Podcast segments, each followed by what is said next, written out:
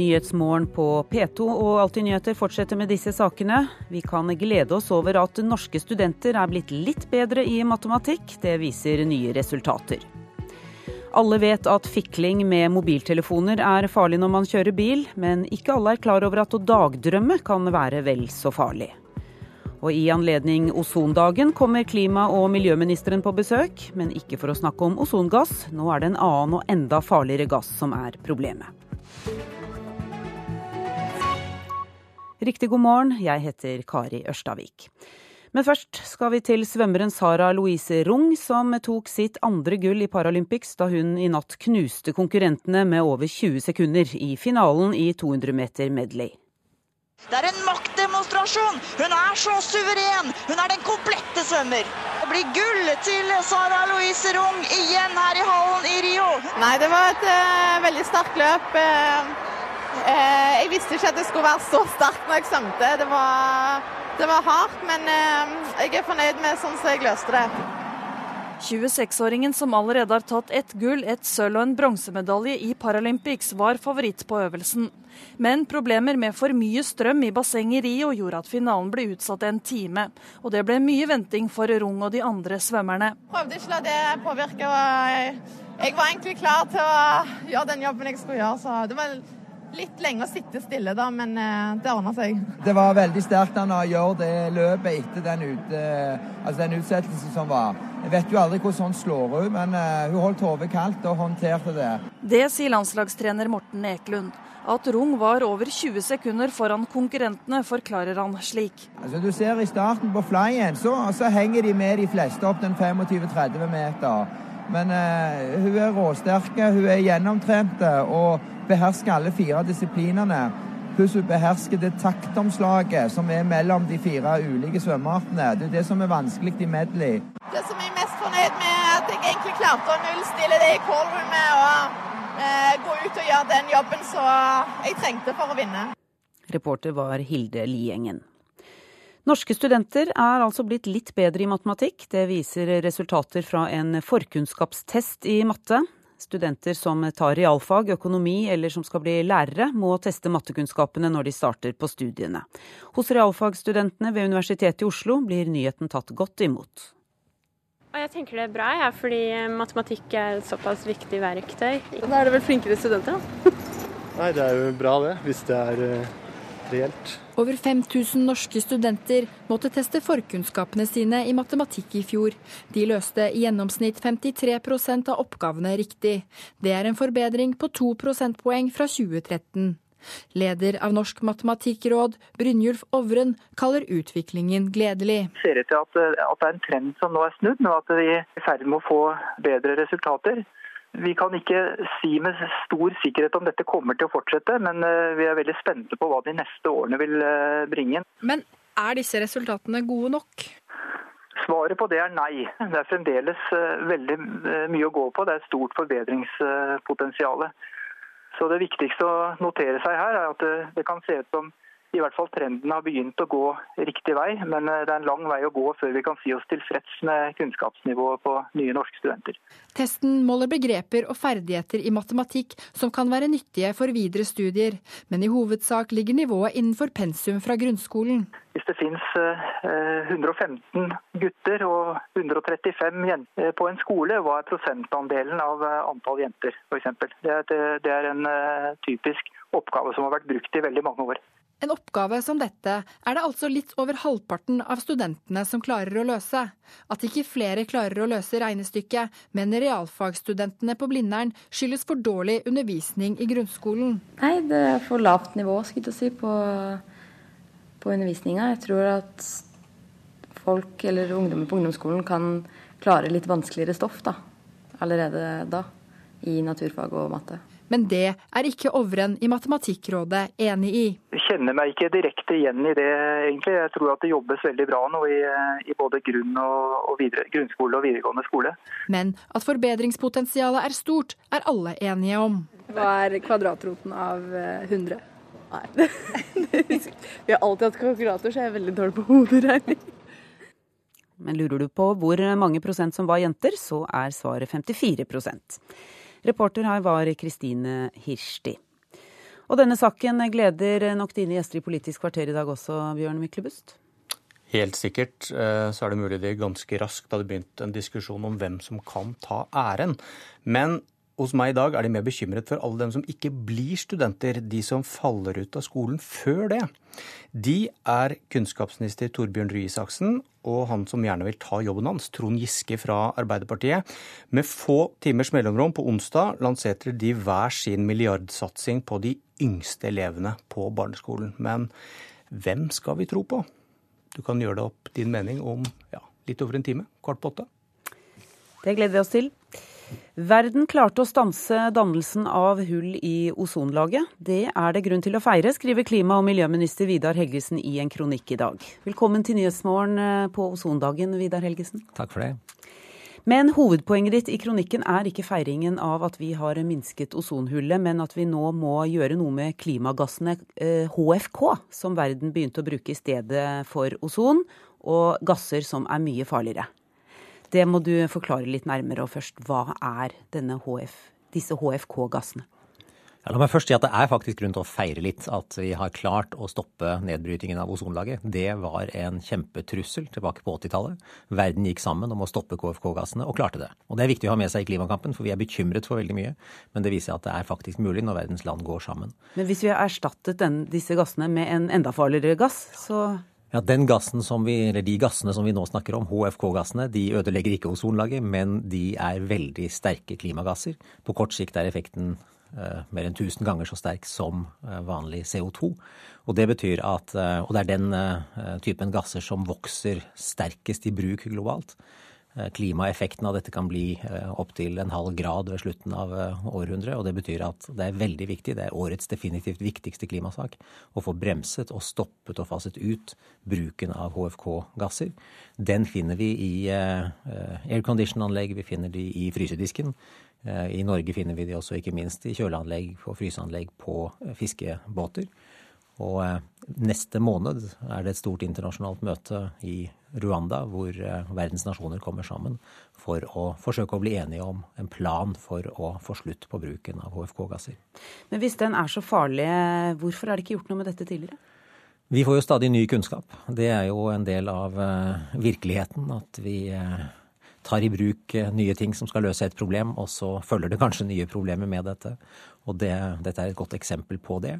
Og da er det veldig viktig at vi eh, reagerer raskt på ny kunnskap. For dette er altså en veldig eh, farlig type klimagasser. Mm. HFK er på kort sikt flere tusen ganger så sterk som CO2, skriver du. Men hvor stort er utslippene av HFK sammenlignet med CO2? Nei, Det er veldig mye mindre nå, men det er altså den type gasser som stiger sterkest i bruk. Og det gjelder ikke minst i de nye fremvoksende store økonomiene, Kina og India. Eh, dette er knyttet veldig sterkt til velstandsutvikling. Og eh, derfor så er det også ikke en enkel jobb å få stoppet dette. Men eh, vi sammen med en rekke andre land har gått i bresjen for å få til et forbud Eh, på kort sikt vil det dreie seg om å få en plan for å fase dette ut, og et årstall for når dette skal være faset ut. Og det er det eh, dette store internasjonale møtet vil dreie seg om neste måned.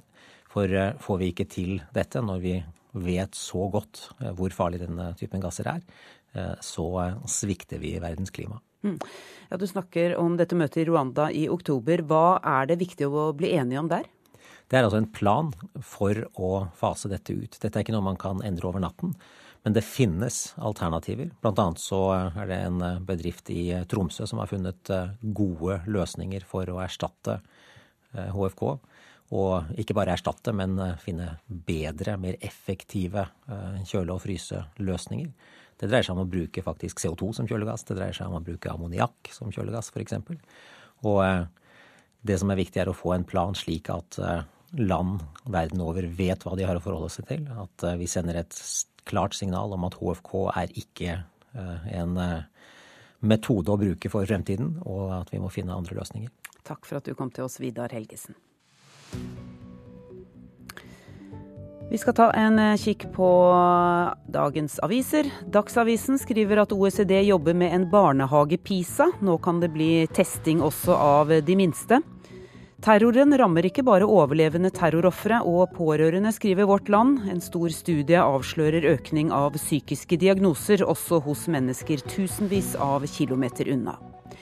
NHH-professor Svein Gjedrem advarer om boligprisene. Veksten vil punktere, sier han til Dagens Næringsliv. Spørsmålet er om det vil skje med utflating eller ved et brått fall, sier han. VG har oppslag på skoleelevers sinne og forvirring over de nye fraværsreglene i videregående skole. 18 år gamle Vår måtte bevise at hun hadde vært i familiebegravelse.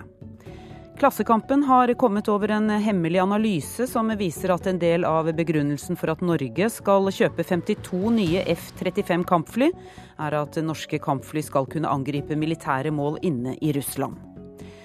Kombinerer jobb og politikk, er overskriften i Nordlys, som har sett på hva politikere tjener. Flere av lokalpolitikerne har full jobb ved siden av politikken, og hever millionlønn.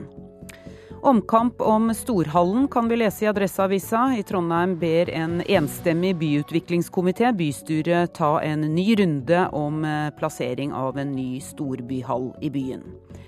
Ifølge Bergens Tidende må pensjonistene vente seg kraftig nedgang i kjøpekraften. Pga. lave renter vil et pensjonistektepar ha rundt 100 000 kroner mindre å rutte med årlig i løpet av få år.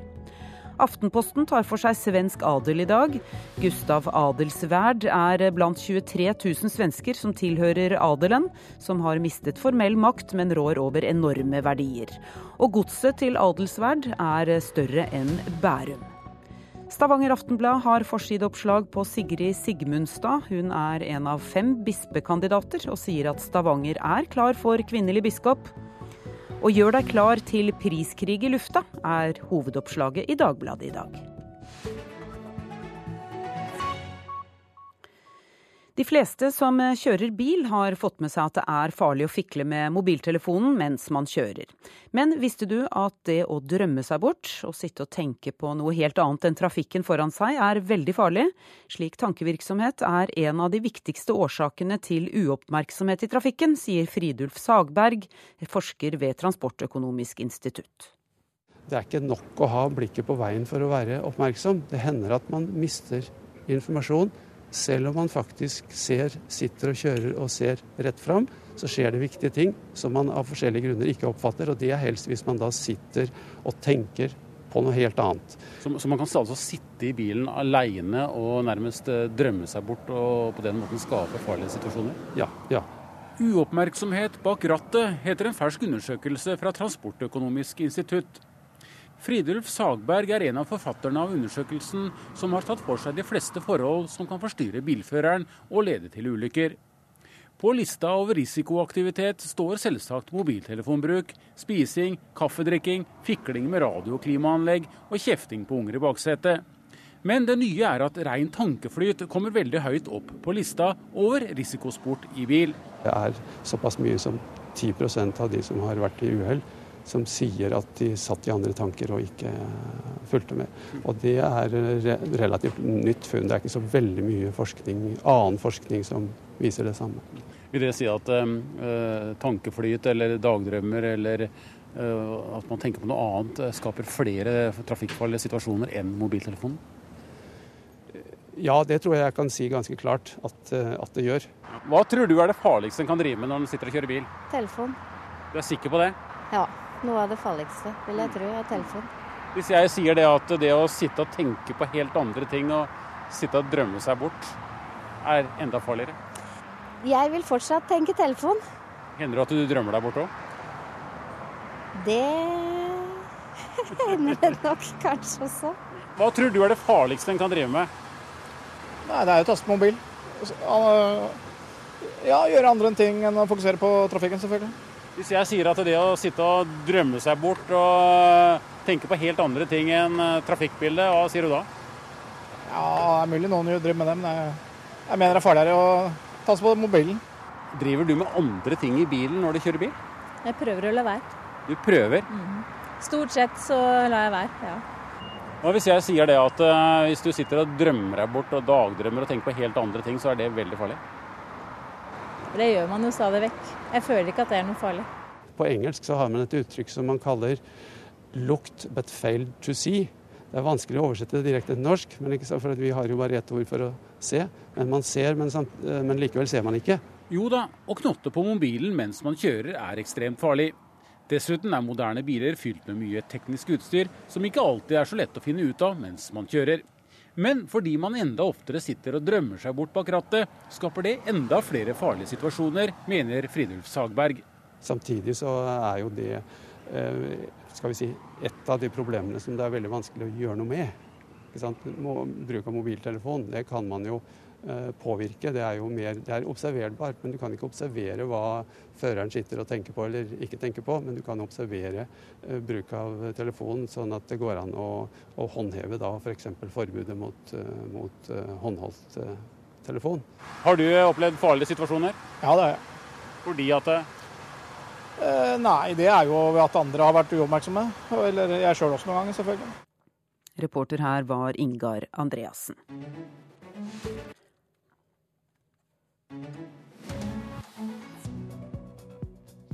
Du hører på Nyhetsmorgen i NRK P2 og Alltid nyheter. Klokka er 6.49. Dette er eh, våre hovedsaker nå. Regjeringen vil ikke innføre et nasjonalt forbud mot nikab og andre plagg som dekker ansiktet. Svømmeren Sara Louise Rung tok sitt andre gull i Paralympics i natt, i 200 meter medley. Og bli med videre og høre at folk som opplevde krigen og kjempet mot nazistene, i dag er invitert til verdenspremieren på Erik Poppes film 'Kongens nei' på Elverum. Tennis nå. Kasper Ruud får muligheten til å møte spillere som er ranket som topp ti i verden under ATP-turneringen i Kina.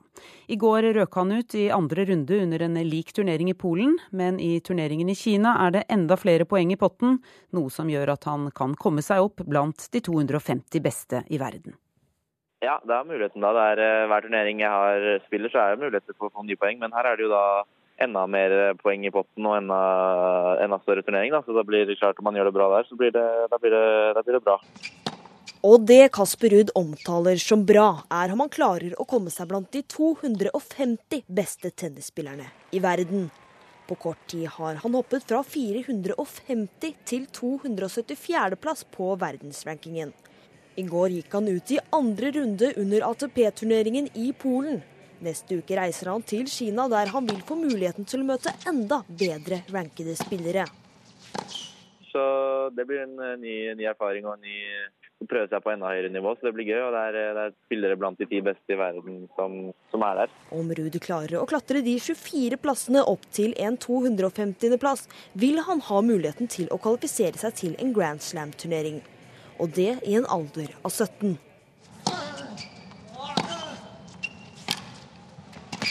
Så det er ikke så mange plasser opp. Men, eh, men, eh, men jeg må vinne noen kamper til, så, så vi får se. Jeg eh, vet ikke om jeg helt klarer det, men om jeg skulle klart det i Kina, så hadde det vært kult. Reporter var Marte Nyløkken Helseth.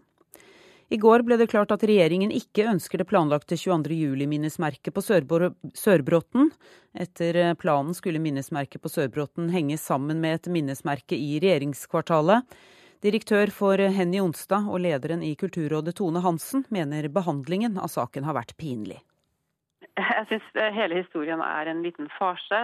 Et fjell skåret i to på Sørbråten ble i februar 2014 kunngjort som vinner av konkurransen om 22. juli-minnesmerket.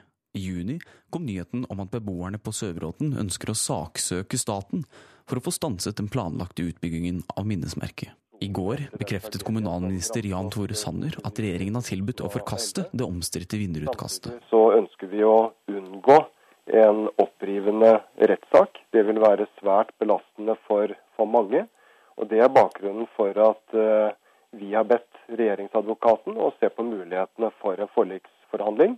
Uh, og i og med at naboenes uh, reaksjon var knyttet til minnesmerket, så har vi åpnet for at eh, vi kan finne et annet minnesmerke enn det som eh, opprinnelig var tenkt. Leder i Kulturrådet, Tone Hansen, er kritisk til hvordan saken er blitt behandlet. Det er en eh, veldig trist historie fordi for det første så har det ikke vært nok involvering fra de som bor der ute. Man skal ha respekt for den sorgen og det traumet vi faktisk de går igjennom. Men samtidig så skal man også kunne gjennomføre et minnesmerke for hele landet. Den svenske kunstneren Jonas Dahlberg sier selv til NRK at et minnested som etterstreber at alle skal være enige, forminsker det som skjedde, og risikerer å bidra til at omstendighetene kan glemmes. Det er jo her snakk om et kunstverk med svært gode kunstneriske kvaliteter, som har vunnet i en konkurranse med andre, og hvor man også har fulgt de reglene som gjelder for konkurranser av denne art. Det sier Hilde Tørdal.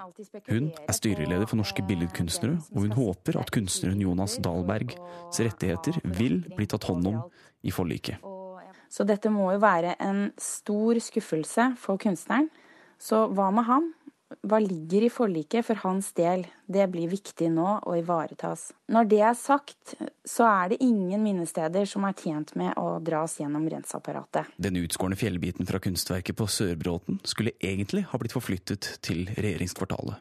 Jan Tore Sanner har ikke lyst til å kommentere hva som skal skje med den delen av kunstverket, men Tone Hansen mener at dette nå er lite sannsynlig at ble gjennomført. Eh, man skulle få et minnesmerke som skulle smitte over på Høyblokka og knytte de to stedene sammen gjennom at jordmassen skulle flyttes. Eh, og skal man ikke bygge det første minnesmerket, så mister man jo også det som skal utenfor eh, Høyblokka. Og det ville vært en liten, veldig pinlig tragedie om man så skulle utlyse en ny konkurranse.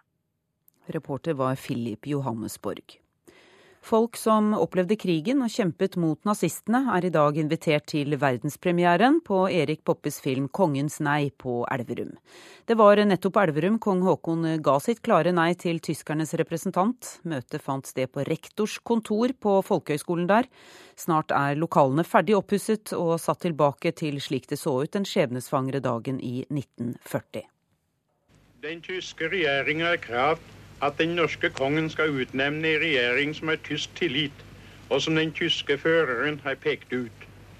Kongen har ikke kunnet bøye seg for et krav som ville gjøre Norge til et uselvstendig rike.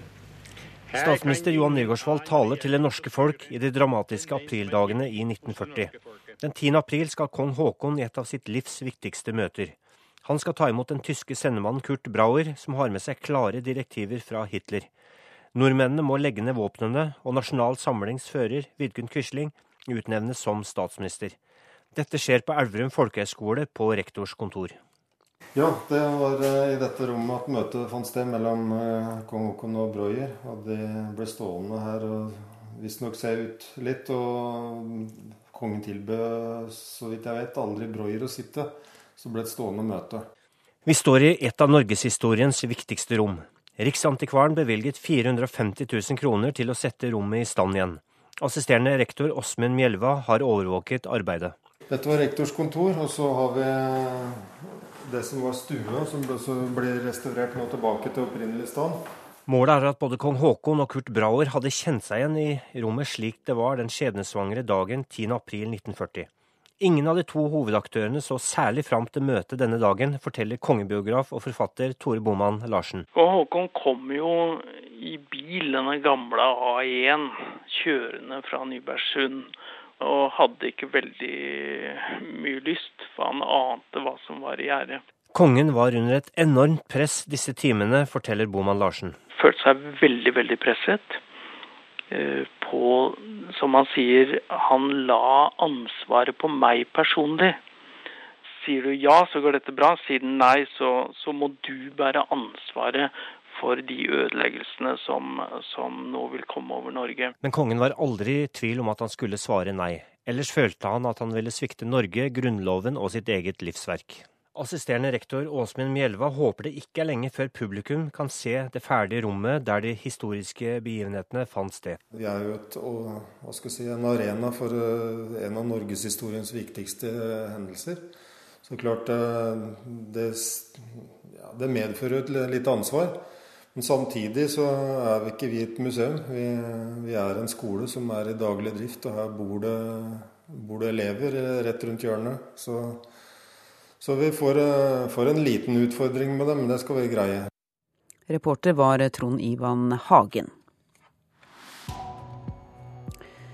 Så har vi kommet til et værvarsel for i dag, fredag 16.9. Stort sett rolige vindforhold i Sør-Norge, men det er ventet sørøstlig og østlig liten kuling på kysten av Rogaland og Agder. Mellom Oksøy og, Åna og Nasira periodevis stiv kuling. Østafjells blir det mer skyet og enkelte regnbyger, vesentlig sør og vest for Mjøsa, og dermed blir temperaturen etter hvert noe lavere der. I Møre og Romsdal og Trøndelag er det utrygt for lokal tåke om morgenen. Ellers starter dagen med stort sett pent vær for hele Vestlandet. Fra i ettermiddag ventes det noen regnbyger, kan hende med torden. Og på Vestlandet sør for Stad, og fra i kveld også på Sunnmøre. Fortsatt eh, varmt for årstiden. I Nord-Norge ventes rolige vindforhold og mye pent vær, men det er utrygt for lokal morgentåke i Troms og enkelte regnbyger i Øst-Finnmark. Omtrent uendrede temperaturer i nord. På Spitsbergen øker vinden til sørlig liten kuling utsatte steder i nordvestlige strøk. Stort sett oppholdsvær, men fra, fra i ettermiddag litt regn i vest. Og kun små temperaturendringer. Vi tar eh, temperatur, noen temperaturer målt klokka seks i dag også. Svalbard lufthavn to grader, Kirkenes sju. Det samme hadde Vardø. Alta seks grader, Tromsø-Langnes fire grader. Bodø ti grader, Brønnøysund 13 grader. Trondheim-Værnes 9 grader, Molde 13 grader, Bergen-Flesland 15 grader, Stavanger 19, Kristiansand-Kjevik 14 grader.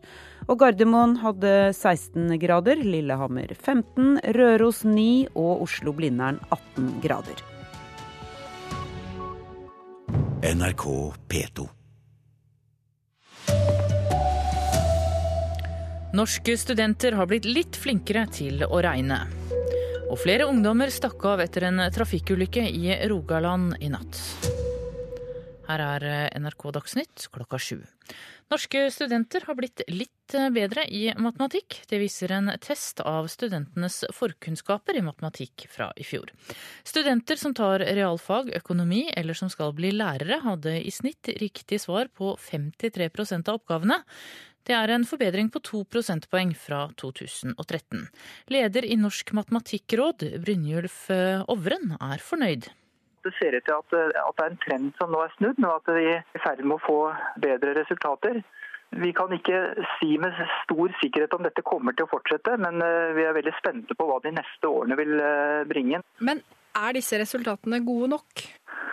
Svaret på det er nei. Det er fremdeles eh, veldig eh, mye å gå på. Det er et stort forbedringspotensial. Så Det viktigste å notere seg her er at det kan se ut som i hvert fall trenden har begynt å gå riktig vei, men eh, det er en lang vei å gå før vi kan si oss tilfreds med kunnskapsnivået på nye norske studenter. Reporter her var Kristine Hirsti. Flere personer stakk i natt av etter en trafikkulykke i Sauda i Rogaland. En 17 år gammel jente ble skadd i ulykken som skjedde da en bil kjørte inn i et tre. Både sjåføren og flere andre som var i bilen stakk fra ulykkesstedet og lot den skadde 17-åringen ligge igjen. Det forteller operasjonsleder hos politiet, Trond Børge Aasbu. Ja, vi foretok en del vitneavhør eh, når vi kom fram. Og en mann i begynnelsen av 20-årsalderen har opplyst at det var han som førte bilen. Han er da mistenkt for føring av denne bilen i påvirket tilstand, og nødvendige prøver er tatt. Politiet utelukker ikke at noen nå blir sikta for å ha forlatt den skadda jenta. Det er helt klart, og det er et av eh, momentene som vi har foretatt i denne etterforskningen her. Og det er at de har eh, løpt fra denne jenta i hjelpeløs tilstand. Reporter her var Cecilie Berntsen Jåsund. I Kristiansand er en mann skadd i en arbeidsulykke nå i morges. Det opplyser politiet. Mannen falt seks til sju meter ned fra et bygg som er under oppføring, og har fått skader i beina og en arm. Politi og ambulanse er på stedet, og Arbeidstilsynet blir varslet. I Østerrike har en 18 år gammel kvinne gått til sak mot foreldrene sine. Årsaken er at hun vil ha dem til å fjerne bilder de har lagt ut av henne på nettet siden 2009. Kvinnen sier livet hennes er blitt forferdelig fordi foreldrene har lagt ut pinlige og intime bilder av henne som barn. Saken blir den første i sitt slag i Østerrike, skriver nettavisen The Local. NRK Dagsnytt var ved Tone Nordahl. Og Nyhetsmorgen fortsetter i P2 og Alltid nyheter med disse sakene. Innvandrere presser nordmenn ut av jobbene og ut av arbeidslivet. I dag eh, trappes sykehusstreiken opp. 185 nye leger og andre sykehusansatte over hele landet tas ut i streik. Og Hillary Clinton er tilbake i valgkampen. Vi har med oss historiker og forfatter Hans Olav Lahlum, som skal få svare på hvilken betydning sykdommen til Hillary Clinton har hatt for valgkampen. Men først, utlendinger overtar altså jobbene fra nordmenn i bransjer som bygg, anlegg, transport, varehandel, servering og overnatting. En grunn er at utlendinger lønnes lavere. Roger Bjørnstad er prosjektleder for rapporten som viser dette.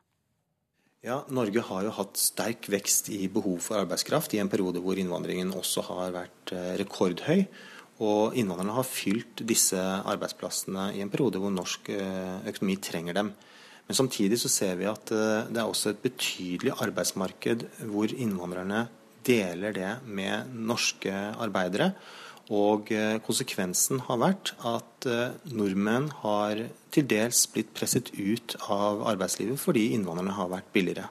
Billige innvandrere erstattet mer kostbare nordmenn i mange yrker. Forskerne fulgte nordmenn i typiske innvandrernæringer i en fireårsperiode, sier prosjektleder Roger Bjørnstad. Vi har fulgt eh, de nordmennene som eh, jobbet i disse bransjene i 2008, og sett hva de gjør i 2012. Og en stor del av de er å finne nå utenfor arbeidsmarkedet, og utenfor også arbeidsstyrken. Altså heller ikke arbeidsledige. Så Innvandrerne har de siste årene tatt jobber fra nordmenn. Ja, det er store deler av det norske arbeidslivet hvor innvandrerne og nordmenn konkurrerer om de relativt få arbeidsplassene som finnes. Og når innvandrerne i gjennomsnitt har ca. 15% lavere lønn, så har det ført til at arbeidsgiverne har snudd seg rundt og heller ansett Eh, innvandrere, og eh, nordmenn har enten mistet jobben eller ikke fått ny jobb. 12% av norskfødte som var sysselsatt i 2008, var uten jobb fire år senere. Av dem som fortsatt var sysselsatt, jobbet inntil halvparten av dem i andre næringer. Og det er lavere lønninger som er hovedforklaringen. For arbeidsgivere er det et pluss å betale mindre. Navnet skjemmer ingen så lenge jobben blir gjort.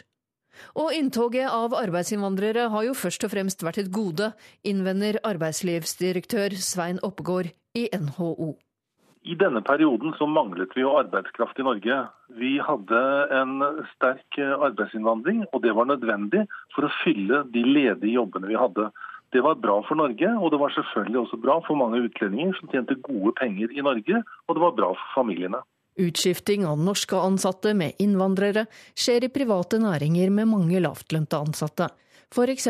industri, bygg, anlegg, transport, varehandel, servering og overnatting. Vi må nok godta at dette er en utvikling som vil fortsette, mener NHO-direktør Svein Oppegård. Kompetansen i norsk arbeidsliv har jo økt ganske kraftig de siste tiårene. Siste, mange av de siste tiårene, og det gjør at norsk arbeidskraft har nok flyttet seg fra de tradisjonelle kan du si, lavere lønnede serviceyrkene og inn i mer kontor, administrative, salgsfunksjoner, offentlig sektor osv. Slik at det har blitt en åpning i bånn i arbeidsmarkedet som har blitt fylt med utenlandsk arbeidskraft. Det kommer nok til å fortsette også. Leder Roger Bjørnstad i Samfunnsøkonomisk analyse har vært prosjektleder for rapporten, laget i samarbeid med Senter for lønnsdannelse og Fafo for LO.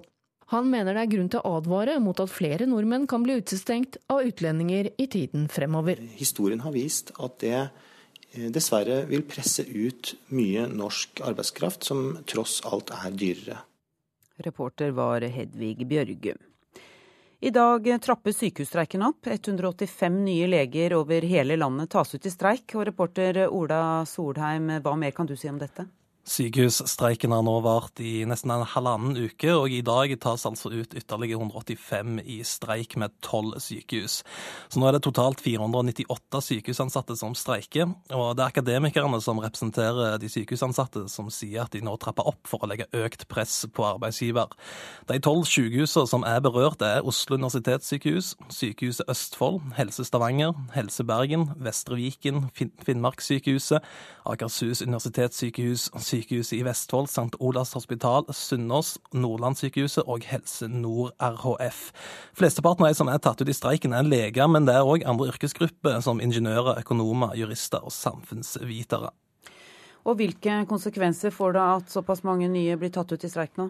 Akademikerne understreker at opptrappinga ikke vil sette liv og helse i fare. Både akuttbehandling, kreftbehandling, psykisk helse og barn er skjermet fra streiken, men rutinekontroller og mer sånn normale helsesjekker og lignende kan utgå enkelte steder. Og de som eventuelt blir berørt, har blitt kontakta eller skal bli kontakta av det aktuelle sykehuset. Kan du fortelle litt om bakgrunnen for streiken? da? Kjernen i konflikten mellom de sykehusansatte, altså Akademikerne Helse og Spekter, er uenige om hvordan arbeidstidene for leger med sykehuser skal fastsettes.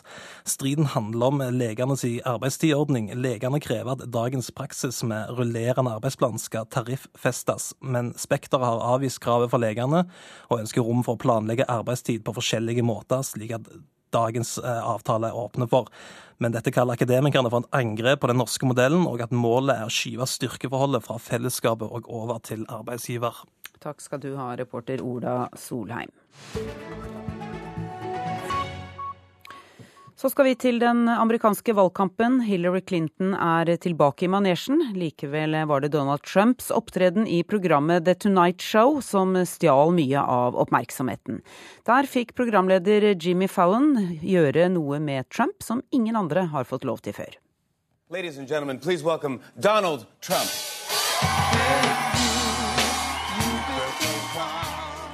Det var mot slutten av programmet at programleder Jimmy Fallon spurte om han fikk lov å buste til håret til Trump. Etter litt nøling svarte Trump ja. The yes, but the people in New Hampshire, where I'm going to be in about an hour from now, I hope they're going to understand. Go ahead with my hairspray. I tillegg til å la amerikanerne få et blikk på hva som skjuler seg under den vanligvis så perfekte frisyren, snudde Trump òg på et annet punkt. Han har i flere år vært en av de som tror at president Barack Obama ikke er født i USA. I går sa en talsmann fra valgkampanjen at etter å ha fått sett Obama sin fødselsattest, så tror nå Trump på at presidenten er født i USA.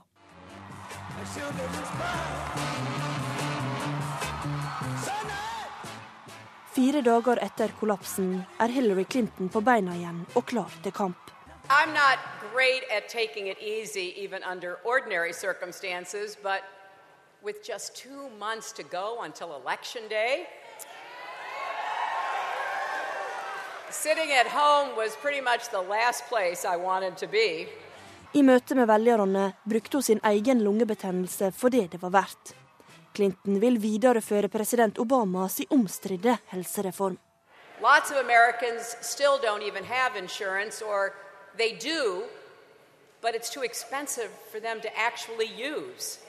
Åtte uker før valget er det et jevnt løp mellom kandidatene. Ifølge de siste meningsmålingene fra The New York Times og CBS News mener de fleste velgerne at Donald Trump er et risikabelt valg som president. De sier at han mangler det rette temperamentet og verdiene, men likevel mener de at han er bedre til å håndtere økonomien enn Hillary Clinton. Hun blir sett på som det trygge alternativet, og mange velgere mener at hun er bedre egnet som utenriksminister. Men trass både sykdommen og tøff konkurranse fra Trump, var meldinga til velgerne klar. People accuse me of all kinds of things. You probably have seen that. But nobody ever accuses me of quitting. Ja, det sa Hillary Clinton, og reporter var Marte Halsør. Ja, Hillary Clinton er tilbake i valgkampen etter eh, sykemeldingen. Hans Olav Lahlum, du er historiker og forfatter og kjenner eh, USA godt. Hvilken betydning har det hatt for valgkampen at Hillary Clinton har vært borte? Det var på en måte veldig dårlig timing for henne. Det kom jo på et tidspunkt hvor hun hadde ledet til meningsmålingene, hvor ledelsen hadde krympa noe. hvor man kan si at Trump hadde litt av det man kaller momentum i amerikanske valgkamper og var litt på vei opp. Så ble det forsterka litt. Sykemeldingen i seg selv eh, tror jeg var godt å leve med. Altså Hvis det ikke skjer noe mer med helsa hennes, hvis det ikke kommer flere sykemeldinger eller noe lignende, så lever man i utgangspunktet godt med at man er, har en forbigående sykdom eh, fem dager eller hva det blir i løpet av en valgkamp. Men hun håndterte det ikke så veldig godt, fordi det virket som hun først prøvde å skjule det. Eh, og det ville vært mye enklere for henne selv hvis hun bare hadde sagt det eh, rett frem fra start, at hun hadde en lungebetennelse og trengte noen dagers eh, sykemelding. Nå utløste det jo også spekulasjoner om at det var mer alvorlige helsemessige problemer osv. Trump har jo tatt igjen mye av den store ledelsen Clinton hadde på meningsmålingene, som du var inne på. Og nå leder han på målinger i Florida og Ohio. I hvilken grad er det selve lungebetennelsen til Hillary som er årsaken, tror du? Nei, Jeg tror ikke det er hovedårsaken. Eh, det var jo ikke slik at, hun, eh, at, ledelsen hadde ligget stabilt før det, og at den så eh, gikk ned. Det var jo en ledelse som var ganske stor en periode etter Demokratenes landsmøte, som så hadde krympa noe, hvor hun liksom var nede på en ledelse på to-tre prosentpoeng kanskje, og så nå er det blitt helt jevnt. Det har jo på sett og vis vært trenden at det har svingt litt frem og tilbake mellom en mer eller mindre klar ledelse for Hillary og veldig jevnt. Det har jo skjedd før. Det var også relativt jevnt på et tidligere tidspunkt før Hillary Clinton rykka fra. og Vi får da se hva som blir eh, trenden. Nå var det på en måte var timinga da dårlig. På den andre siden så kunne tidspunktet også vært mye verre. Det kunne vært helt i valgkampinnspurten, som ville vært eh, skumlere, eller det kunne vært knytta opp mot en av debattene. Og hvis f.eks. en av debattene mellom de to hadde måttet avlyses eller utsettes pga. dette, så ville det vært en mer alvorlig situasjon. Og jeg tror nå at debattene, som jo nå er på vei opp, kommer til å bli veldig viktige i år. Mm. Hvordan syns du Donald Trump har utnyttet eh, tiden som Clinton har vært borte? Eller vært syk? Eh, dette, eh, dette har han eh, utnytta ganske godt. Jeg var spent på hvordan han ville håndtere det. Han kunne ha overspilt det hvis han hadde begynt å komme med flåsete kommentarer om helsa hennes og gått for langt på det. Det har han hadde et lite spark nå når han spurte om hun kunne stått der en time, eller hva det var han, han sa. Men han har stort sett håndtert den situasjonen ganske godt med at han ønsket henne god bedring og, og, og fortsatte å sette fokus på seg selv og politikken. Vil det fortsatt da. ja, vil, eh, vil, Clintons uh, sykdom eller sykemelding fortsatt prege resten av valgkampen, tror du? I utgangspunktet så tror jeg ikke at dette får avgjørende betydning. Jeg tror at det er en forbigående sak. og Hvis hun håndterer det godt, så kan hun få et positivt oppsving når hun er tilbake. og Det er jo tydelig at hun har tenkt gjennom dette og prøvd å utnytte eh, sykdommen til noe positivt med å da komme tilbake og snakke om helsepolitikk eh, og det. Så i utgangspunktet så tror jeg ikke det, men hun har på en måte brukt opp en del av eh, jeg vil nesten si at hun har brukt opp sykekvoten for denne valgkampen. Altså Hvis det skulle komme tilbake, selv om det skulle være en annen type helseproblemer, og hun skulle få en sykemelding eller to til, så vil det komme et spørsmål. Det er klart at I og med at kandidatene nå er såpass eh, gamle som de er, da, eh, så eh, blir jo også det spørsmålet om helse til å gjøre en god jobb som president gjennom fire år. Det er en jobb med kolossalt arbeidspress. Så blir jo det også et tema på en annen måte enn det ville blitt hvis det var to kandidater som var 40 eller 50 og ikke hadde noen kjente helseproblemer. Takk for at du var med her i Nyhetsmorgen, Hans Olav Lahlum. Klokka er 7.16, du hører på Nyhetsmorgen. Dette er våre hovedsaker. Norske studenter har blitt litt bedre i matematikk. Flere ungdommer stakk av etter en trafikkulykke i Rogaland i natt. Og følg oss videre. Det er nedrykksbonanza i breddefotballen. Pga. innføring av en ny seriestruktur står halvparten av lagene i andredivisjon i fare for å rykke ned. Men nå, i dag, takker den kontroversielle lederen av det britiske uavhengighetspartiet UKIP, Nigel Farage, for seg. Han har ledet partiet i en årrekke med kampsak nummer én få Storbritannia ut av EU. Men hva skjer med partiet nå? London-korrespondent Espen Aas har sendt oss denne rapporten. The dawn is breaking independent United Kingdom. Det har aldri manglet på store bokstaver eller utropstegn i talene til UKIP-leder Nigel Farage. Den karismatiske partilederen og medlem av Europaparlamentet i en årrekke har hatt mange kampanjer mot Den europeiske union. Ingenting var for kontroversielt, og han sammenlignet uten blygsel dagens EU til Nazi-Tyskland for noen år siden. We are now living in a German-dominated Europe.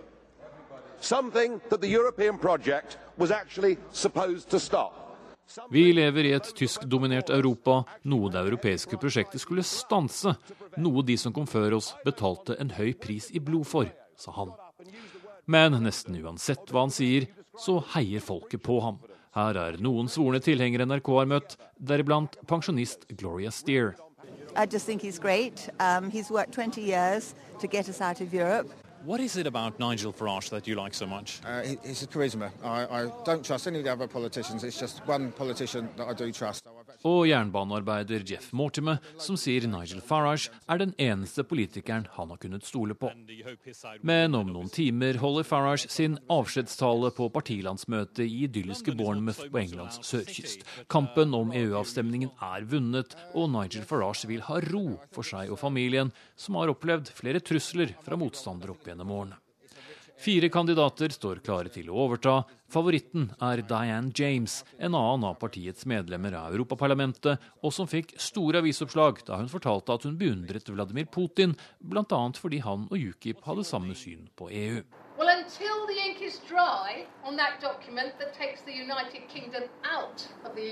Union.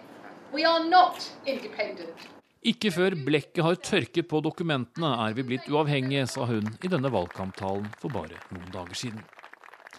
Men Nigel Farage har trukket seg før han, senest i fjor etter parlamentsvalget, men det tok bare noen dager før han ble værende som leder likevel. Og heller ikke denne gang utelukker han et comeback.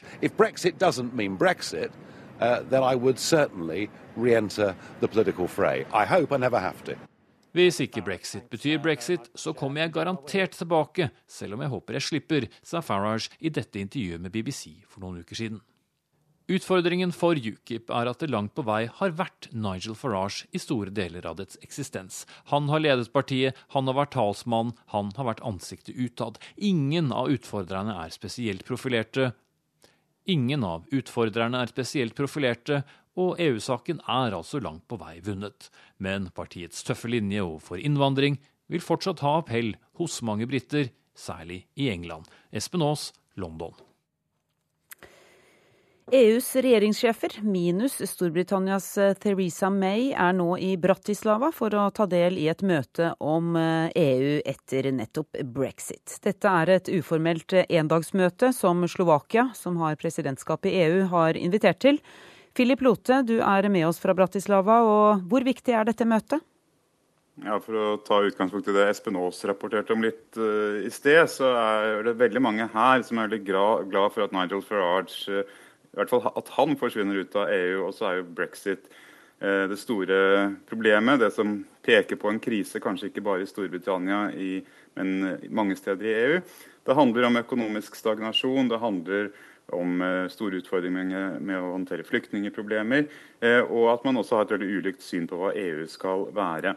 Så det, Dette møtet er viktig fordi man vil forsøke å stake ut en kurs, eh, en vei videre. Og at man da i mars, når man skal markere at det er gått 60 år siden Romatraktaten ble underskrevet, kan si litt mer om hva EU skal være. Romatraktaten var begynnelsen på dagens EU. Hva EU skal være, sier du. Hvor samlet eller lite samlet er egentlig EU i synet på veien videre? Hvis du tar de to presidentene, da, presidenten for uh, ministerrådet Donald Tusk, han har jo egentlig konfrontert uh, uh, president Juncker, som da leder EU-kommisjonen, eh, etter at han holdt sin tale til parlamentet og sagt at det er veldig mye her som han ikke er enig i.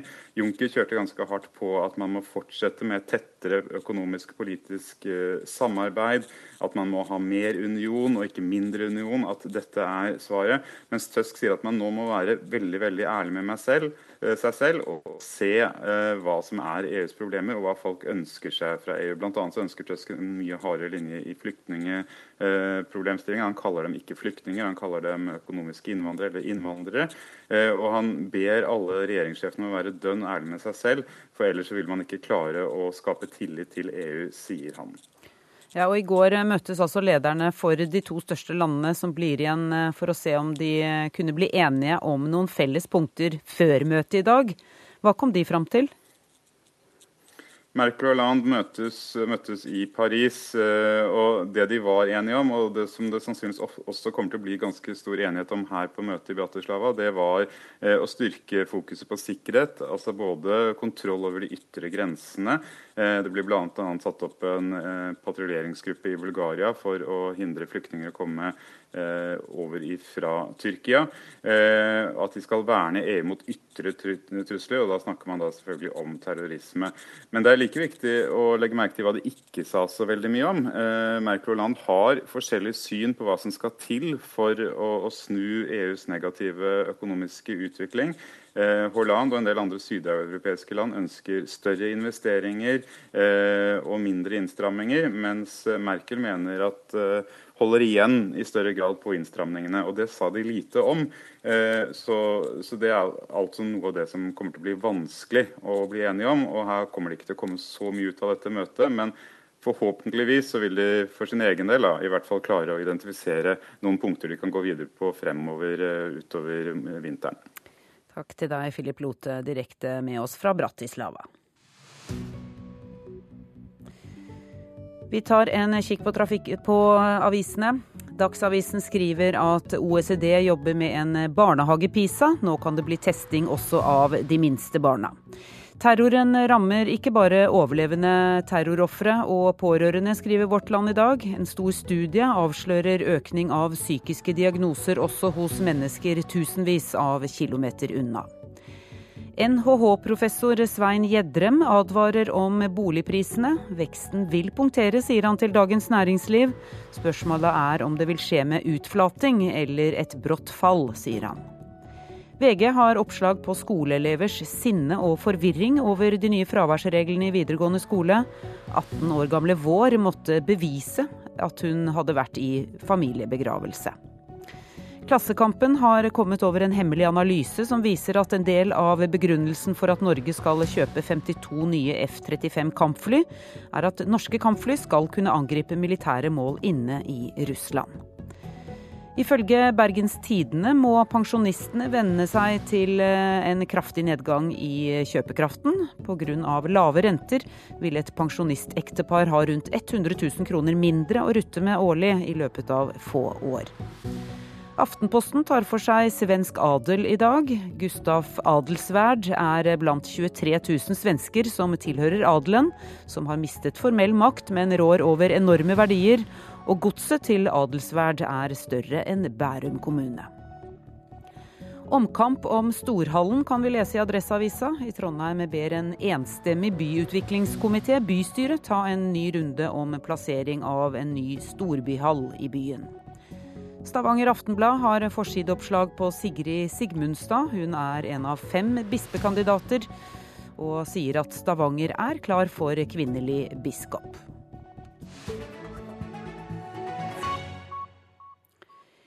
Nedrykksspøkelset er mer truende enn vanlig for mange fotballspillere denne høsten. Andredivisjon skal eh, omlegges, og fire avdelinger skal bli til to. Dermed presses en mengde lag nedover i divisjonene. I hele landet er nå halvparten av lagene i andredivisjon involvert i nedrykksstriden.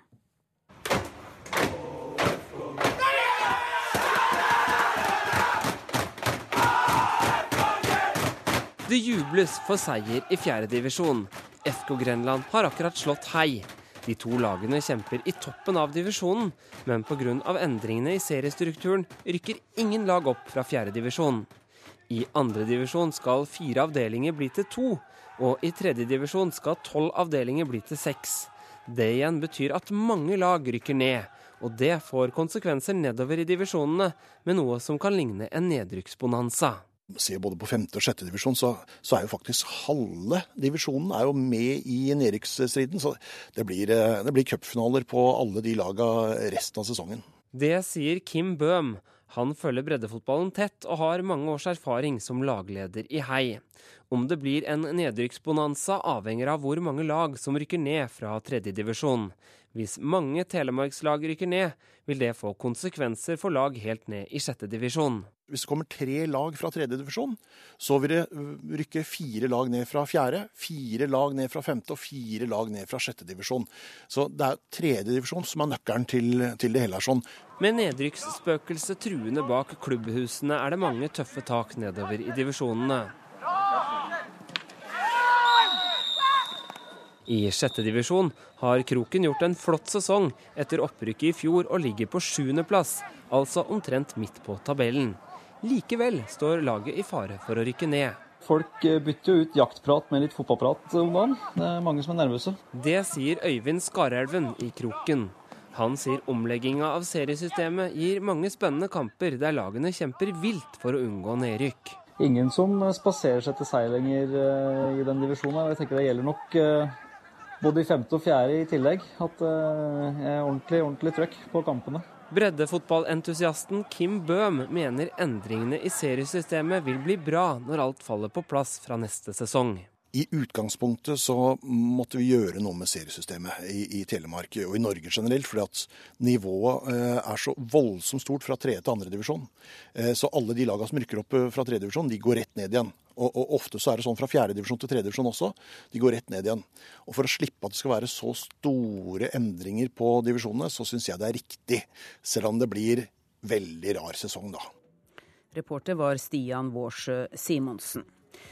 Du lytter til Nyhetsmorgen. I reportasjen etter Dagsnytt kan du høre at Russlands president Vladimir Putin gjør mye for å hindre at det skal bli nye demonstrasjoner i forbindelse med valget der. Produsent for Nyhetsmorgen er Vidar Eidhammer. Her i studio Kari Ørstavik.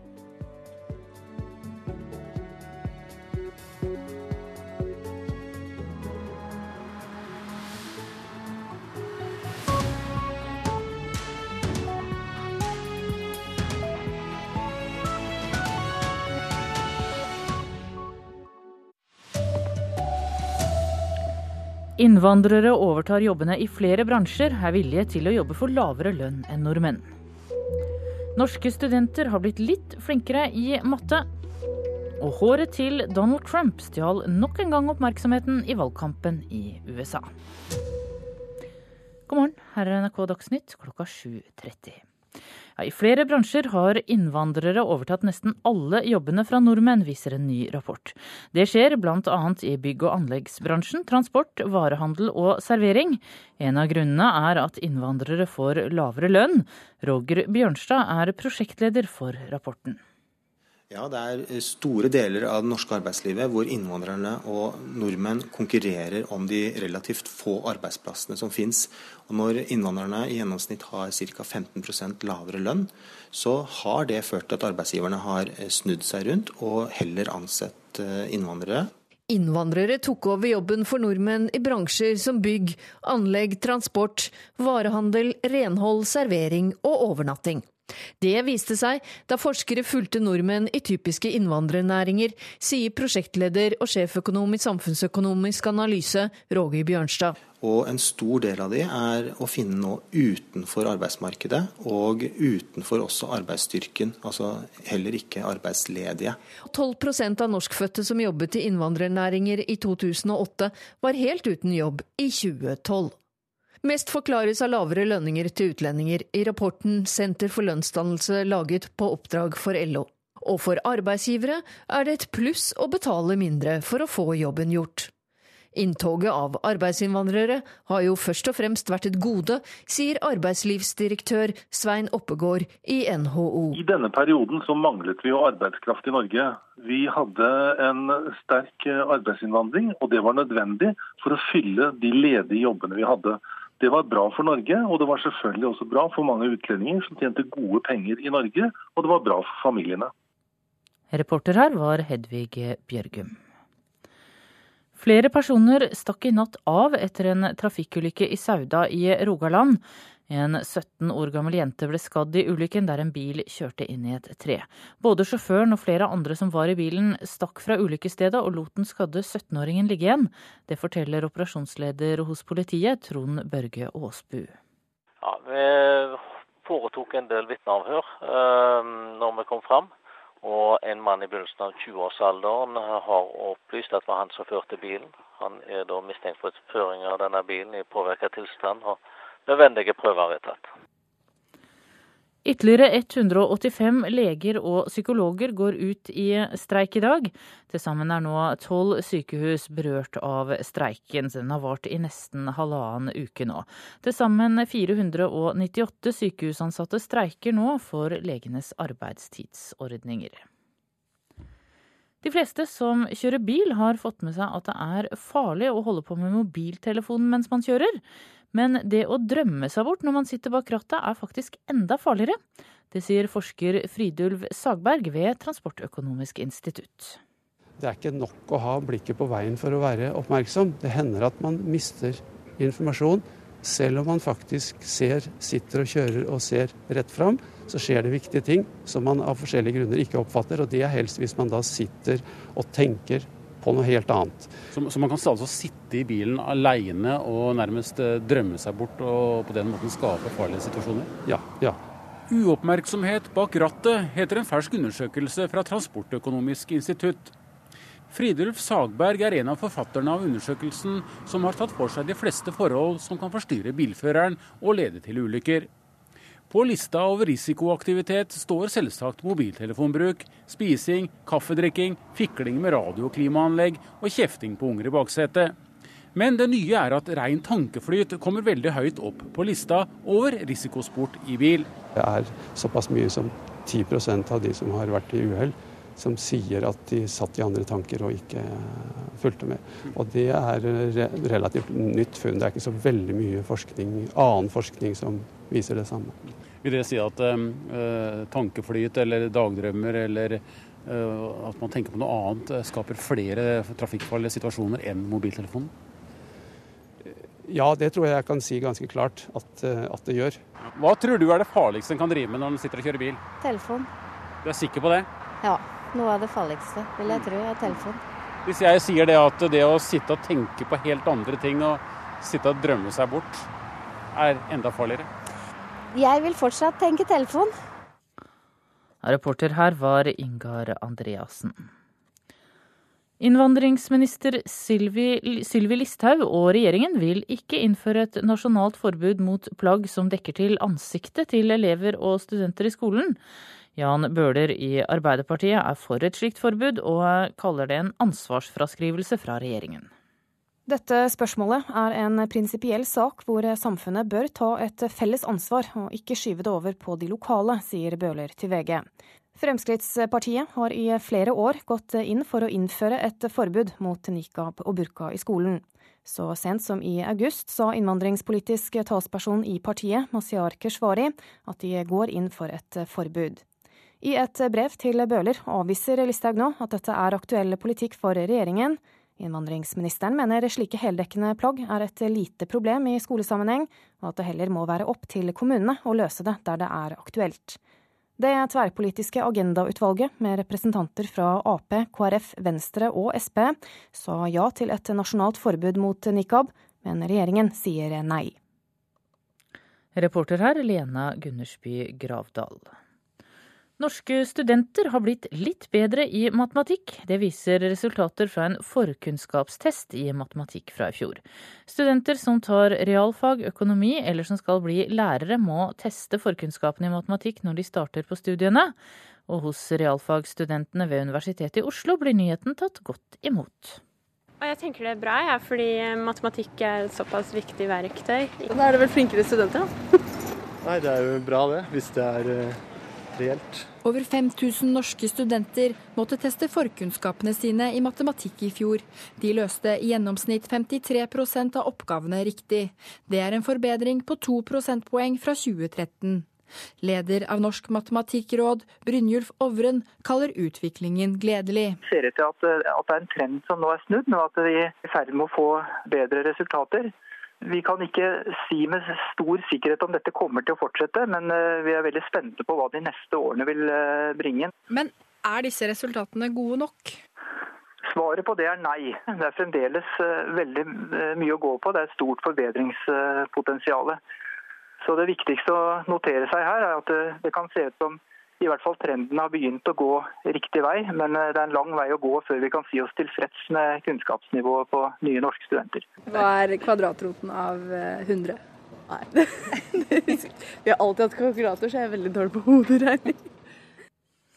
Ja, reporter her var Kristine Hirsti. Så til den amerikanske valgkampen. Republikanernes presidentkandidat Donald Trump lovet i går folk enorme skattekutt. Men det var hans opptreden i programmet The Tonight Show som stjal oppmerksomheten. Der fikk programleder Jimmy Fallon gjøre noe med Trump som ingen andre har fått lov til før. Ladies and gentlemen, please welcome Donald Trump.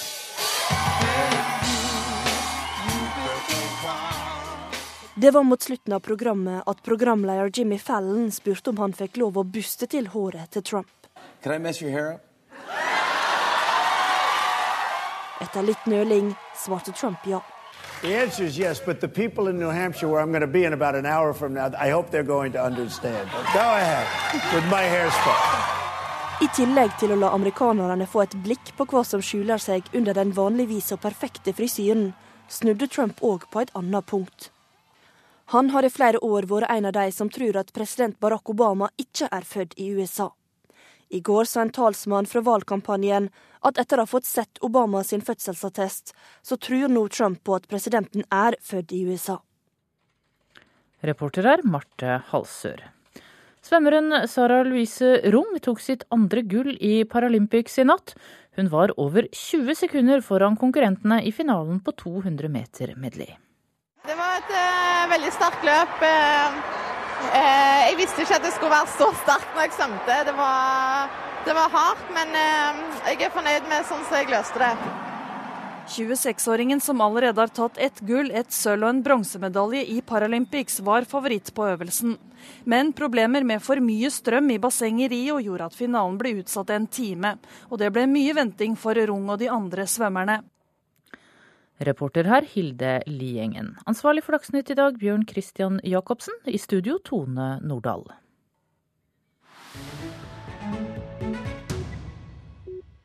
Og Nyhetsmorgen fortsetter. Søndag går russerne til valg. Etter det forrige parlamentsvalget i 2011 ble det store demonstrasjoner i Moskva. Mer enn 100 000 mennesker demonstrerte gjentatte ganger mot valgfusk. Myndighetene satte inn store politistyrker for å slå ned protestene. Og siden den gang har president Vladimir Putin gjort mye for å hindre at det skal bli nye demonstrasjoner. Putina, Putina,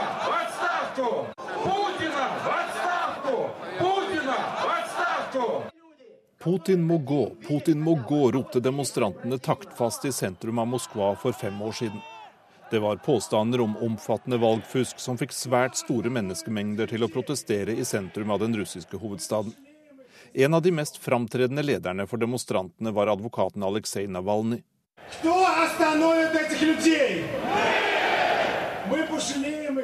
Hvem skal stanse de nåværende lederne i Russland, ropte Navalnyj. Det skal vi, svarte folkemengden. Vladimir Putin og resten av de russiske lederne ble åpenbart skremt av de omfattende protestene.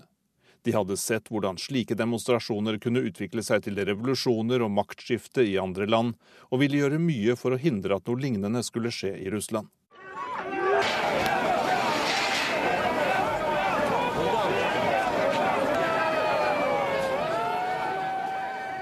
Store politistyrker gikk hardt til verks mot demonstrantene. Mange ble arrestert og dømt til fengselsstraff. Men opposisjonslederen Navalnyj fikk ganske overraskende stille som kandidat i valget til ordfører i Moskva i 2013. Han fikk bare noen uker til å drive valgkamp, og fikk praktisk talt ikke slippe til i mediene. Likevel fikk han nesten en tredel av stemmene. Like etterpå ble det satt i gang flere rettssaker mot Navalnyj, og pga. en betinget dom kan han denne gangen ikke delta aktivt i valgkampen, men må følge det hele fra sidelinja Они часто сердцем чувствуют, вот где правда, а где ложь, где пустые обещания, а где желание, реальное желание и стремление конкретного человека. President Vladimir Putin møtte nylig representanter for sitt parti Forent Russland i Kreml. Der understreket han at velgerne fort merker om kandidatene i parlamentsvalget snakker sant, eller om de lyver. For Putin er det trolig svært viktig at det denne gangen ikke blir altfor mange påstander om valgfusk, og at det ikke blir demonstrasjoner i bakkant av valget. Men de som deltok i protestene forrige gang, har liten tro på at de liberale kreftene kommer til å bli representert i det nye parlamentet. Я боюсь, что я могу не увидеть, как все изменится. А с другой стороны, вот этот вот вопрос jeg tror ikke jeg får oppleve at det politiske klimaet i Russland forandrer seg, sier Diana Machulina, som demonstrerte for fem år siden.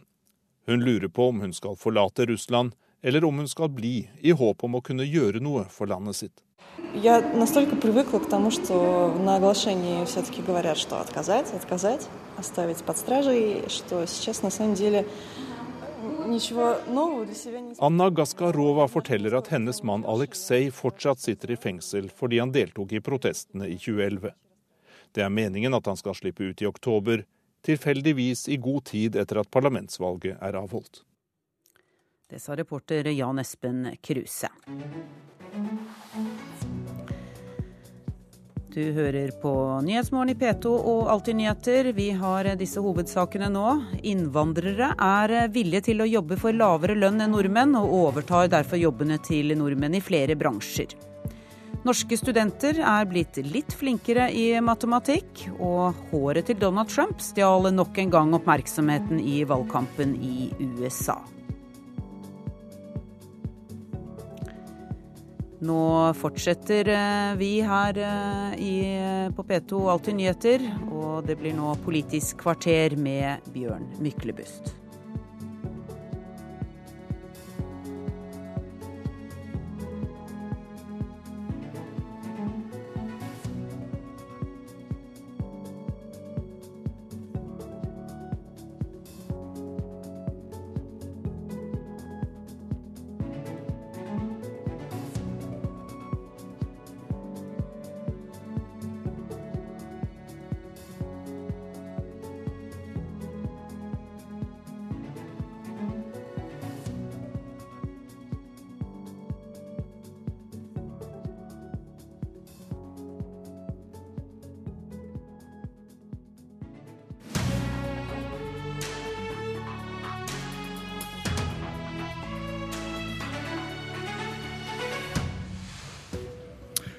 Onsdag denne uken. Arbeiderpartiet lover milliardpakke for å hjelpe de yngste skoleelevene. Noen timer senere. Regjeringen lover milliardpakke for å hjelpe de yngste skoleelevene. Hvem velger du å tro på? Vi har tre tapte år med denne regjeringen, sier Arbeiderpartiet. Arbeiderpartiets løfte er nesten litt gjerrig, sier kunnskapsministeren. Ja, kunnskapsminister Torbjørn Røe Isaksen, god morgen. Det at dere kom med deres pakke rett etter Arbeiderpartiet, det virker like tilfeldig som at Erna Solberg poster Vietnam-bilder på Facebook rett etter at regjeringen har brutt samarbeidsavtalen? Nei, det var, det var eh, tilfeldig i den betydningen at eh, vi visste jo ikke da vi hadde invitert oss selv til Bærumsskolen at Arbeiderpartiet også hadde et utspill om dette i Aftenposten. Men det var jo i og for seg helt greit, det. Da fikk man jo en sak hvor det var mange som snakket om tidlig innsats. Vi får velge å tro det. Ja, altså det er ikke noe jeg, altså så, For å si det sånn, så så fleksibel er ikke statsministerens kalender at hun samme morgen kan invitere seg til skolebesøk eh, fordi at det har vært et oppslag i en avis med opposisjonspartiet. Og det, det er ikke mulig. Du, Satsingen regjeringen kom med, 1,5 milliarder kroner over fire år. Eh, hva skal de brukes på? Nei, det er, altså 1,5 milliard er, er, er minst. Altså, vi ser nok på dette som starten på en satsing. Og Noe av problemet med eh, tidlig innsats det er at det er mange som snakker om det. Eh, det har vært gjort en del på det. Men allikevel vet vi at en del elever slipper gjennom. altså De går videre i skoleløpet uten at de har lært seg å knekke lesekoden, uten at de har lært seg regning. Så kjernen i det vi foreslår, det er en forsterket plikt for skolene til å gi ekstra oppfølging til elevene tidlig, tidlig i skoleløpet. Sånn at de skal lære seg i hvert fall de helt grunnleggende ferdighetene de trenger for å kunne mestre resten av skoleløpet. Så det betyr Også, at disse pengene brukes på flere lærere i kommunene der det trengs? Det, det kan f.eks. være å bruke penger på flere lærere. Ja. Det, vi, det vi ser for oss er jo ikke at man Eh, ikke at man da nødvendigvis reduserer klassestørrelse eller noe sånt, men at man lager ekstra ressurser på skolene, eller bruker penger til å bygge opp ekstra ressurser på skolene. Så man kan gi eh, forsterket opplæring rett og slett til de elevene som trenger det aller mest. Og så vet vi at det har veldig mye å si om man setter inn det tidlig eller om man setter inn litt senere. En, en undersøkelse fra Senter for leseforskning i Stavanger viser at hvis man setter inn eh, tiltak for elever med språkvansker i første, andre klasse, så er det 80% som har en sjanse for å komme opp på et greit lese- og skrivenivå. Eh, hvis man venter til femte klasse, så synker den andelen dramatisk. Men, men, men hvorfor trengs det flere lærere til å reparere, mens flinkere lærere til å forebygge? Det trengs, altså poenget, poenget, vårt er at det trengs både flinke lærere, og det er det aller aller viktigste, at vi har gode lærere. Hvorfor bruker dere ikke pengene på det isteden? Ja, det trengs også ekstra innsats. Men så har ikke vi tenkt å gi disse pengene på en måte som gjør at vi presser kommunene til å velge akkurat akkurat én bestemt løsning. Vi dette, eh, gir dette pengene til kommunene som en, et bidrag til tidlig innsats. Så kommer vi samtidig til å skjerpe lovverket, sånn at vi rammer inn bruken av pengene. Eh, og det er fornuftig. Og det å f.eks. ha forsterka undervisning i smågrupper med en del av de elevene som ikke har eh, knekt lesekoden, det er fornuftig bruk av penger. Men hvis man skal følge logikken din om at dere vil bruke de store pengene på å få lærerne flinkere, ikke bruke det på en lærernorm som liksom får ja. ned klassestørrelsen, så da, da, lurer jeg på, men, her bryter slett... du ikke litt her. Burde Nei. du ikke sagt at disse pengene, hvis du gir de til en rød kommune, mm. så bruker de det kanskje på disse flere lærerne da, som istedenfor ja, bedre lærere? Og det, det, er helt greit. Eh, ja, men nå har jo vi bygd opp nettopp systemet. altså Videreutdanning har jo vært vår store satsing denne perioden, ved siden av da en helt ny eh, lærerutdanning. Så vi har brukt de store pengene på både å gjøre lærerutdanningen bedre og gi faglig påfyll til lærerne. Men så er det jo aldri sånn at vi har vært mot at man skal bruke ekstra ressurser eller ekstra lærere på å, eh, på å, hjelpe de elevene som trenger det mest i skolen. Det diskusjonen går på, er om man skal lage en fast regel nasjonalt for hvor store klasser man skal ha. Og Problemet med en slik regel vil jo nettopp da være at man ikke har mulighet til å bruke ekstra lærerressurser på de elevene som trenger det mest i perioder. Du, du sa til TV 2 at Arbeiderpartiets satsing, som da kom litt tidligere på dagen, var litt gjerrig? Det var en litt sånn fleipete bemerkning, men jeg la jo merke til i hvert fall at det vi, eh, vi foreslo, vil jo summeres opp til halvannen milliard i løpet av en fireårsperiode. og det, det, kan godt hende det kan bli mer også, mens Arbeiderpartiet foreslo da en milliard. og Så vidt jeg forsto, så var det da også 250 millioner i året. altså Akkumulert blir det en milliard. Trond Giske, nestleder i Arbeiderpartiet. Hvordan er det å lansere en stor satsing? Så kommer regjeringen noen timer senere med sin satsing og kaller dere litt gjerrige. For det første så tenker jeg at det er bra for ungene i skolen eh, at alle partier nå etter hvert snakker om tidlig innsats. Fordi eh, vi har nå hatt de samme frafallstallene i norsk skole i 20 år. Én av fire seksåringer som begynner på skolen i høst, kommer til å dette ut av skolen før de har fullført og bestått en videregående opplæring. Det er 15 000 ungdommer i hvert kull som går inn i et arbeidsliv hvor det snart ikke er etterspørsel etter ufaglært arbeidskraft. Og det er Eh, et forferdelig dårlig utgangspunkt for den enkelte, men det er også et stort tap for eh, samfunnet. Men dere er litt gjerrige? Nei, ja.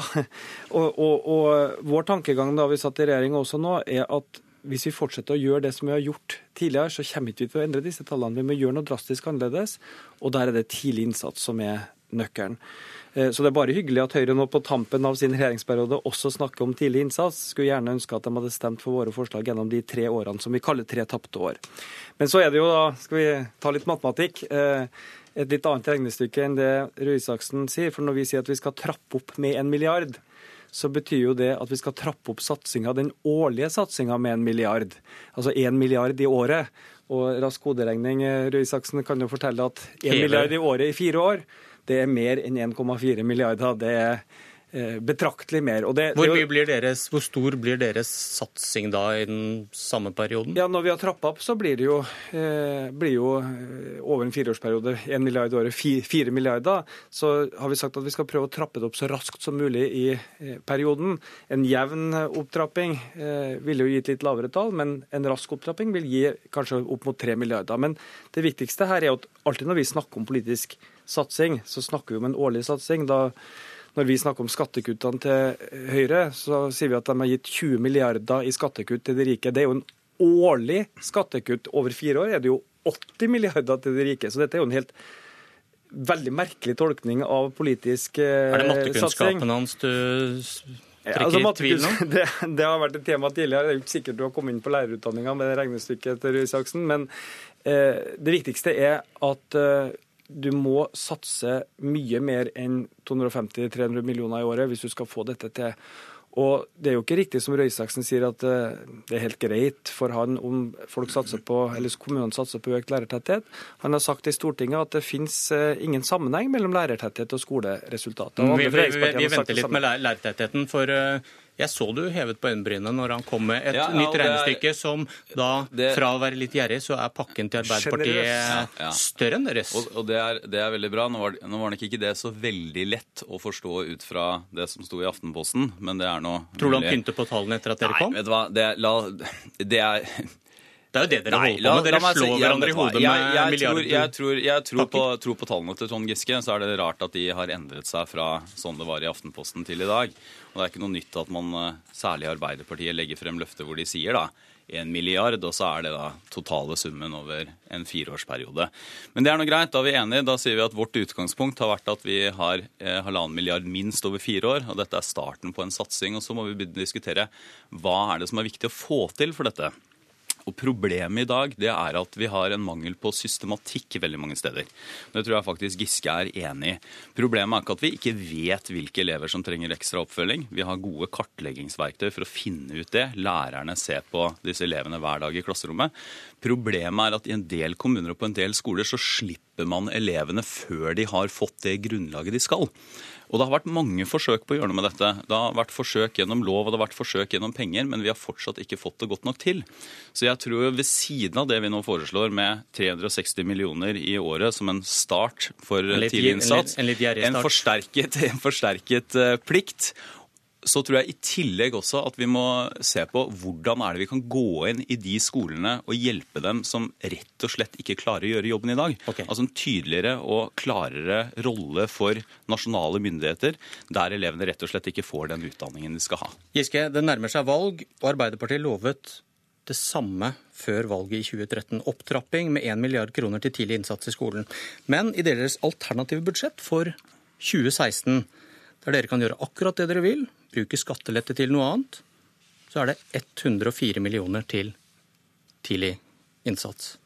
Ja, altså første, Hvorfor prioriterer dere ikke det dere sier dere skal gjøre? Nei da, men Vi hadde jo også flere hundre millioner til økt lærertetthet. Vi hadde eh, satsing på kommuneøkonomien. Eh, jo, økt lærertetthet er det samme. altså Den 100 millionen du sier der, er er øremerka kun ett løfte, og det er den lese-, skrive-, regnegarantien som vi ønsker å bli innføre. Hvor mye ønsker... satte dere av til eh, økt lærertetthet i deres alternative budsjett? da? Eh, ja, I vårt alternative budsjett, i det budsjettet som vi stemte for ved Stortinget, hadde vi 320 millioner mer til økt lærertetthet. Likevel, det, hvis man følger logikken din med en opptrapping, så burde dere hatt 750 millioner i 2016-budsjettet deres, hvis man skal følge din logikk, at dere trapper opp med 250 millioner i år, og 1 milliard da i 2017-budsjettet, ut fra løftet blir... i 2013? Jo, men nå sitter vi jo, altså for det første... Ellers høres det ut som valgflesk. Nei, men det går jo ikke an å si at når vårt budsjett er nedstemt i, i tre år på rad, så skal vi i det fjerde budsjettet få alle ting på plass eh, som skulle vært på plass i fire år. Hva hadde dere i tidlig innsats i budsjettene i årene før det? da, ja, budsjett? Vi har hatt ca. en milliard mer til skolesatsing enn eh, regjeringa omtrent i hvert eh, alternative budsjett. Ja, men Nå snakker vi om tidlig innsats på de yngste elevene. Ja, altså Lese-, skrive-, regnegarantien har vi hatt eh, en en årsvirkning på rundt 250 millioner i året på våre alternative budsjett. Men det skulle jo trappes opp til 1 milliard. Ja, men, kommer jo ikke i mål. Nei, men Vi er jo nedstemt, og det her er jo poenget. Nå kommer Røe Isaksen og sier at nå skal Høyre satse på tidlig innsats. Og når skal de gjøre det? Fra høsten 2017 skal den store satsinga komme. Altså i det Men nå begynte du å snakke om han, nå snakker vi om Nei, deg. det er en veldig merkelig logikk å si at når vårt budsjett er nedstemt i tre år, så skal vi rette opp alt i løpet av ett år. Det går ikke, det. Også, dere... når vi, også, når vi, overtar i 2017. Men 104 kommer... millioner, det er jo ikke i nærheten av det dere lovte i 2013. 104... Altså, nå skal vi tro på dere en gang 104... 104 millioner er en halvårsvirkning, eller litt mindre. Det er 240 millioner i året. Eh, fordi at du starter fra høsten, skoleåret starter i august, til neste år blir det en helårsvirkning. Men dette er én av bortimot en milliard kroner som vi satser på ulike tiltak i utdanning. Og i tillegg har vi fire milliarder mer i kommuneøkonomi. For her må du huske på at for kommunene så hjelper det ikke om pengene har en farge som sier tidlig innsats eller, eh, eller ungdomsskoleinnsats. I Stavanger har de f.eks. fått penger til øremerka innsats på én til fire, men så kutter de i det generelle skolebudsjettet, så resultatet er flere titalls årsverk ned i antall lærere. Høyrestyrte Bærum likeså.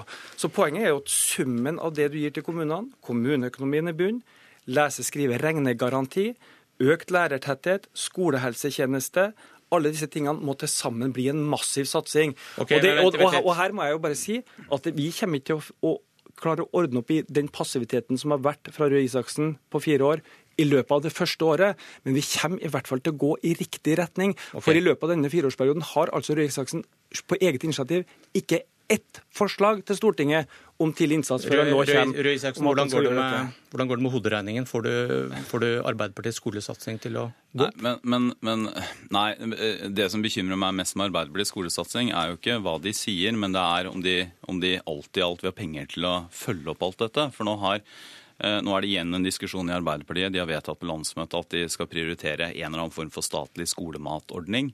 Eh, Trond Giske har vært ute og lovet iPad til alle elever. Det vil koste ganske mange hundre millioner. Så kan du legge løftene oppå hverandre og oppå hverandre. og da er det jo lett å tenke at kanskje ikke tidlig innsats er det de vil prioritere høyest.